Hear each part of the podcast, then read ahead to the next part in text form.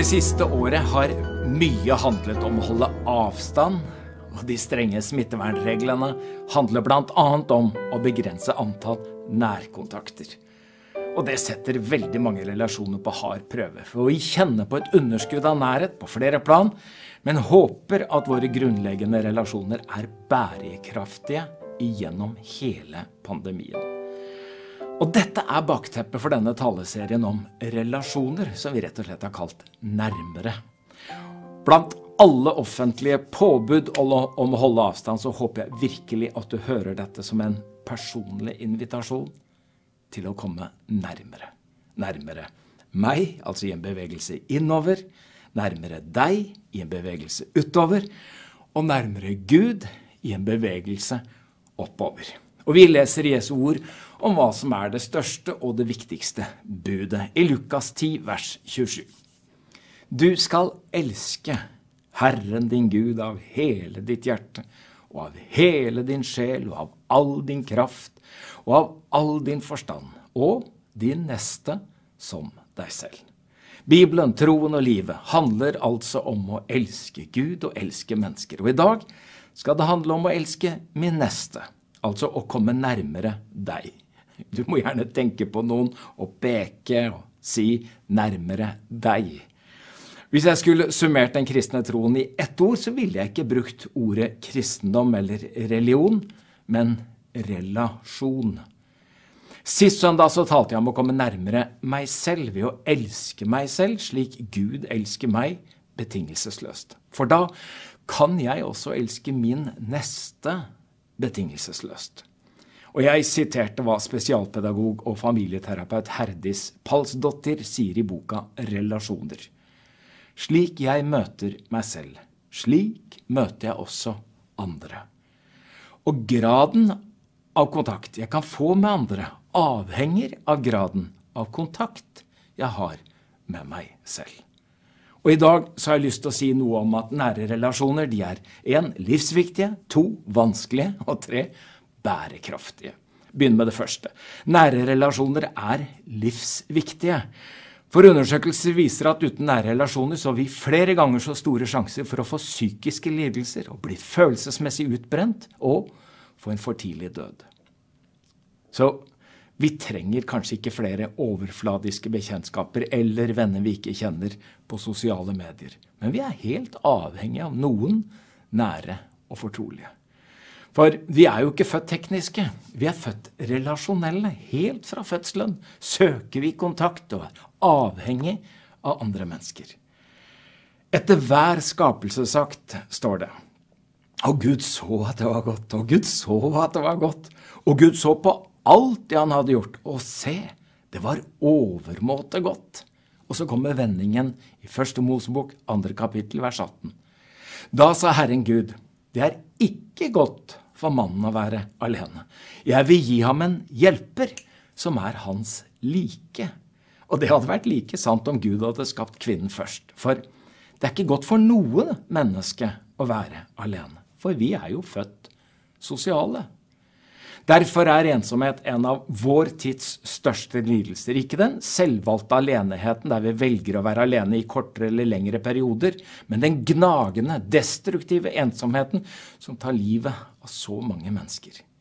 Den store levekårsundersøkelsen fra 2015 viser at 16% av Norges befolkning oppgir at de har en opplevelse eller følelse av ensomhet. Fire av ti i aldersgruppen 16 eh, til 24 år sliter med ensomhet. Én av tre i aldersgruppen under 16 år er plaget av ensomhet. Jeg reiser veldig ofte på kryss og tvers med fly i Norge og møter disse små pendlerne mellom fem og elleve år. Pendler ofte mellom mor og far, som har en stor plakat hals, rundt halsen. Jeg reiser alene. Og Ifølge tallene fra 2015 så er det 70 000 nordmenn som ikke har noen nære venner å henvende seg til når de trenger noen å snakke med. Og Helseministeren sa da at ensomhet er et folkehelseproblem, og at ensomhet er like helseskadelig som å røyke, og en viktig årsak til tapt livskvalitet og for tidlig død, sa helseministeren. Så det er i hovedsak to typer relasjoner, og vi har de intime relasjonene, som gjerne dreier seg om din nærmeste familie og helt spesielt fortrolig venn. Og dette kalles den innerste sirkelen, og her har vi ikke behov for så mange, men gjerne noen få fortrolige som står oss virkelig nær. Og deretter har vi behov for sosiale forbindelser, også kalt den ytterste sirkelen. Og her er det ikke samme behov for nærhet, denne sosiale sirkelen dekker vårt behov for tilhørighet. Altså, dette er flokken min. Og mange har dessverre mangler i én eller begge disse relasjonelle sirklene. For noen har veldig god kontakt med sine aller nærmeste, men er sosialt isolert. Og andre kan ha et rikt sosialt liv, men har ingen fortrolige. Og da kan vi føle oss ensomme blant mennesker. Også i Jesu liv kan vi se sånne relasjonelle sirkler. Den aller innerste sirkelen var sønnens relasjon med far. Den indre sirkelen var de tolv disiplene, og blant dem igjen en kjerne på tre. Den ytre sirkelen besto av mange disipler. Det er nevnt 72, og det er nevnt 120. Si meg hvem du omgås med, så skal jeg si deg hvem du er, hørte vi ofte som en advarsel i oppveksten, for det var viktig at vi hadde gode venner. Men noe av det Jesus ble kritisert aller mest for i sin samtid, ble jo i ettertid noe av det fineste som ble sagt om Jesus. I Lukas 7, 34 leser vi Menneskesønn er kommet. Han spiser og drikker, og dere sier, Se, for en storheter og vindrikker! Venn med tollere og syndere.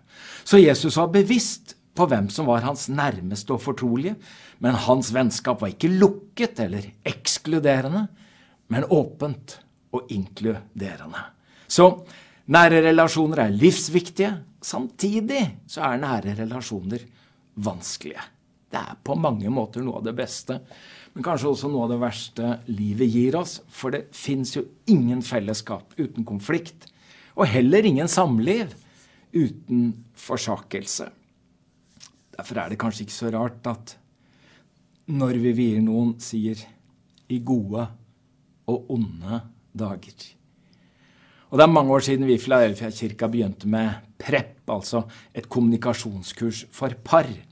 Det gir vi i gave til alle brudepar vi vier, for de fleste som sliter i parforhold, strever jo med kommunikasjon. Og PREP hjelper oss å bygge relasjonskompetanse. Og det trenger vi mer av i slektskap og ekteskap, vennskap og naboskap, eller rett og slett i alle former for fellesskap. Uten ærlighet ingen kjærlighet. Men for å komme nærmere hverandre, så må vi være bevisste på om det vi sier og gjør, er konfliktfremmende eller konflikthemmende. Ellers er jo alternativene full krig eller taus tilbaketrekning. Avstand i relasjoner måles jo ikke i meter men i grader av nærhet. Sunne relasjoner de er åpne og inkluderende. Men usunne relasjoner de er klamme og kvelende. Og vi kan jo selvfølgelig ikke gjøre hva vi vil, men vi må kunne være den vi er. For hver enkelt må ivareta sine egne grenser og behov, ellers mister vi vår verdighet og selvrespekt. Det er naturlig for barn å frigjøre seg fra foreldrene. Hjemmet kan bli for trangt, ungdom trenger frihet med mer luft under vingene for å bli selvstendige. Så på et tidspunkt så er det jo naturlig med et oppbrudd. Og denne frigjøringsprosessen den går jo som regel veldig bra. Men noen ganger blir det som skulle være et nødvendig oppbrudd, et smertefullt opprør. I fortellingen om den bortkomne sønnen står det at han dro til et land langt borte. Og jeg er ikke sikker på om det er det som var der borte, som fristet så veldig. Kanskje heller at det var det der hjemme som skremte. For når vi blir bedre kjent med den eldste broren, så er det lett å tenke at han har vært et stort forbilde for lillebroren sin. Men etter hvert ser vi at han er både kritisk og veldig krevende. Han er den typen som vi først vil gjøre alt for å ligne, for siden å gjøre alt vi kan for å unnslippe, fordi han får fram det verste i oss. kanskje lillebror måtte reise bort for å finne seg sjøl. I frihet og selvstendighet, utenfor storebrors innflytelse og kontroll. Det finnes jo enkeltpersoner, men også miljøer, også kristne miljøer, religiøse miljøer, som er så autoritære og kontrollerende at vi må gjøre helt nødvendig oppbrudd, eller om nødvendig smertefullt opprør, for å få så stor avstand til andre at vi kan finne oss sjøl, og om mulig finne veien hjem igjen. Var det dette den kjærlige faren forsto da den yngste gutten ba om å få sin del av arven? Var det derfor han ikke gjorde noe for å hindre sønnen sin i å reise? Nære relasjoner både i den indre og den ytre sirkelen kan være vanskelig. Så vi må selv velge nærhet eller avstand til enkeltpersoner og fellesskap ut ifra om de er givende eller ødeleggende. Så nære relasjoner er livsviktige. De kan være vanskelige, men de er bærekraftige. Det er jo alltid fristende å gjøre valg som gir rask avkastning og nytelse på kort sikt, men vi tror at det gode livet formes av det vi gjør helhjertet og trofast over tid. Og slik er det med bærekraftige relasjoner. De må bygges gradvis. Den nye generalsekretæren i KRIK, tidligere prest i Storsalen her i Oslo, Vegard Husby, han sier i et intervju med avisa Vårt Land den 24. januar 2020 vil kanskje huskes best for fastmonterte seter, stengte kirkedører og tomme menigheter. Men kanskje vil det komme noe bra ut av krisa også. Og jeg håper at koronakrisa har vist oss at den individualistiske kulturen som vi har bygget opp over mange år, ikke er bærekraftig. Så langt Vegard Husby. Så bærekraftige relasjoner de kjennetegnes jo først og fremst av det som vi har kalt betingelsesløs kjærlighet. Vi er skapt å elske, og la oss bli elsket. Etter sult og tørst er behovet for kjærlighet det mest grunnleggende behovet vi har. Og siden kjærlighet bare fins i relasjoner, så er kjærlighetsfylte relasjoner det viktigste vi har i livet.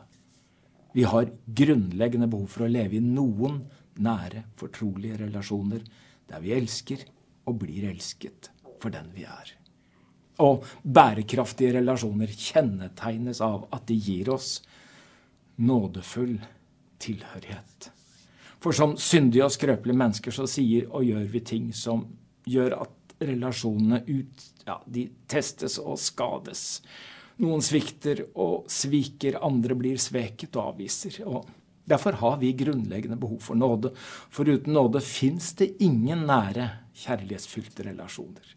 Når nåden tar slutt, er det jo bare et spørsmål om tid før ekteskapet, vennskapet eller fellesskapet blir brutt. Så jeg er prisgitt andres nåde. Både når jeg er ydmyk nok til å be om den, men også når jeg innser, ikke innser at jeg trenger den. Men en nådefull tilhørighet gir meg trygghet for at jeg ikke lever på oppsigelse i mine nære relasjoner. Bibelen er jo ikke først og fremst en bok om hva vi skal tro og mene, men om hvordan vi skal leve. Og den handler om relasjoner. Så vi har behov for betingelsesløs kjærlighet som gir oss en nådefull tilhørighet i et bærekraftig fellesskap som bærer oss i faser av livet hvor vi av ulike årsaker ikke er i stand til å bære oss sjøl. Og det skal vi lese om i Markus 2, vers 1-5. Hør. Noen dager senere kom Jesus igjen til Kapernaum, og det ble kjent at han var hjemme. Det samlet seg så mange at de ikke fikk plass, ikke engang utenfor døren. Mens han forkynte ordet for dem, kom de til ham med en som var lam. Det var fire mann som bar ham. Men de kunne ikke komme fram pga. trengselen. Derfor brøt de opp taket over stedet der han var, laget en åpning og firte ned båren som den lamme lå på. Og da Jesus så deres tro, sa han til den lamme, Sønn, syndene dine er tilgitt. Dette må i alle fall kunne kalles et bærekraftig fellesskap. Fire sterke som bærer sin lamme kamerat, venn, nabo, kollega eller lignende til Jesus, og de hadde både tro og håp og kjærlighet. De hadde omsorg og handlekraft. Og deres relasjon, den viste seg å ha bærekraft. Så mitt ønske for deg og meg, det er at vi er en del av en sånn bærekraftig relasjon. Som savner oss når vi er borte, som oppsøker oss når vi sitter hjemme. Som henter oss når vi ikke kommer. Og som bærer oss når vi ikke klarer å gå. Og som fjerner hindringene for oss når vi sitter fast. Og som både tror og ber for oss når vi trenger det. Dette høres ut som en kirke etter Guds hjerte. For kirka er jo ikke et hus vi går til, men det er en flokk, det er et fellesskap, en familie, som vi hører til. Og det har blitt klarere og klarere for meg gjennom denne pandemien. Kirke er relasjoner. Om de første kristne står det i Apostelens gjerninger 2 vers 46. Hver dag holdt de trofast sammen på tempelplassen og hjemmene, brøt de brød og spiste sammen med oppriktig og hjertelig glede. I fjellvettregel nummer sju står det ikke gå alene. For det første blir ofte turen hyggeligere med turfølge, og skulle uhellet være ute, kan noen i turfølget hjelpe deg eller melde fra. Og Turistforeningen skriver videre under denne fjellvettregelen. Hold alltid kontakt med gruppa, selv om du går i forveien. Er dere to eller flere, kan vekt og belastning fordeles. Jeg syns det er så vakkert. Kan vekt og belastning fordeles.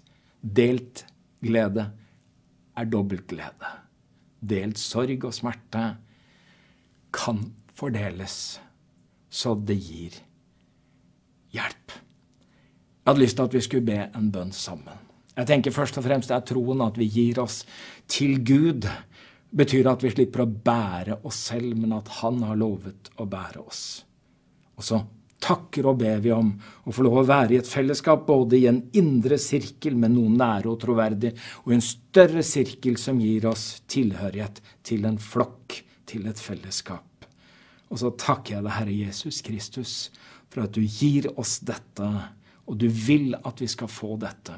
Både i forholdet til vår Far i himmelen, men også i forhold til våre søsken i troen. Både i det store fellesskapet, i gudstjenestene når de åpner igjen, men også i de nære fellesskapene, i de små gruppene.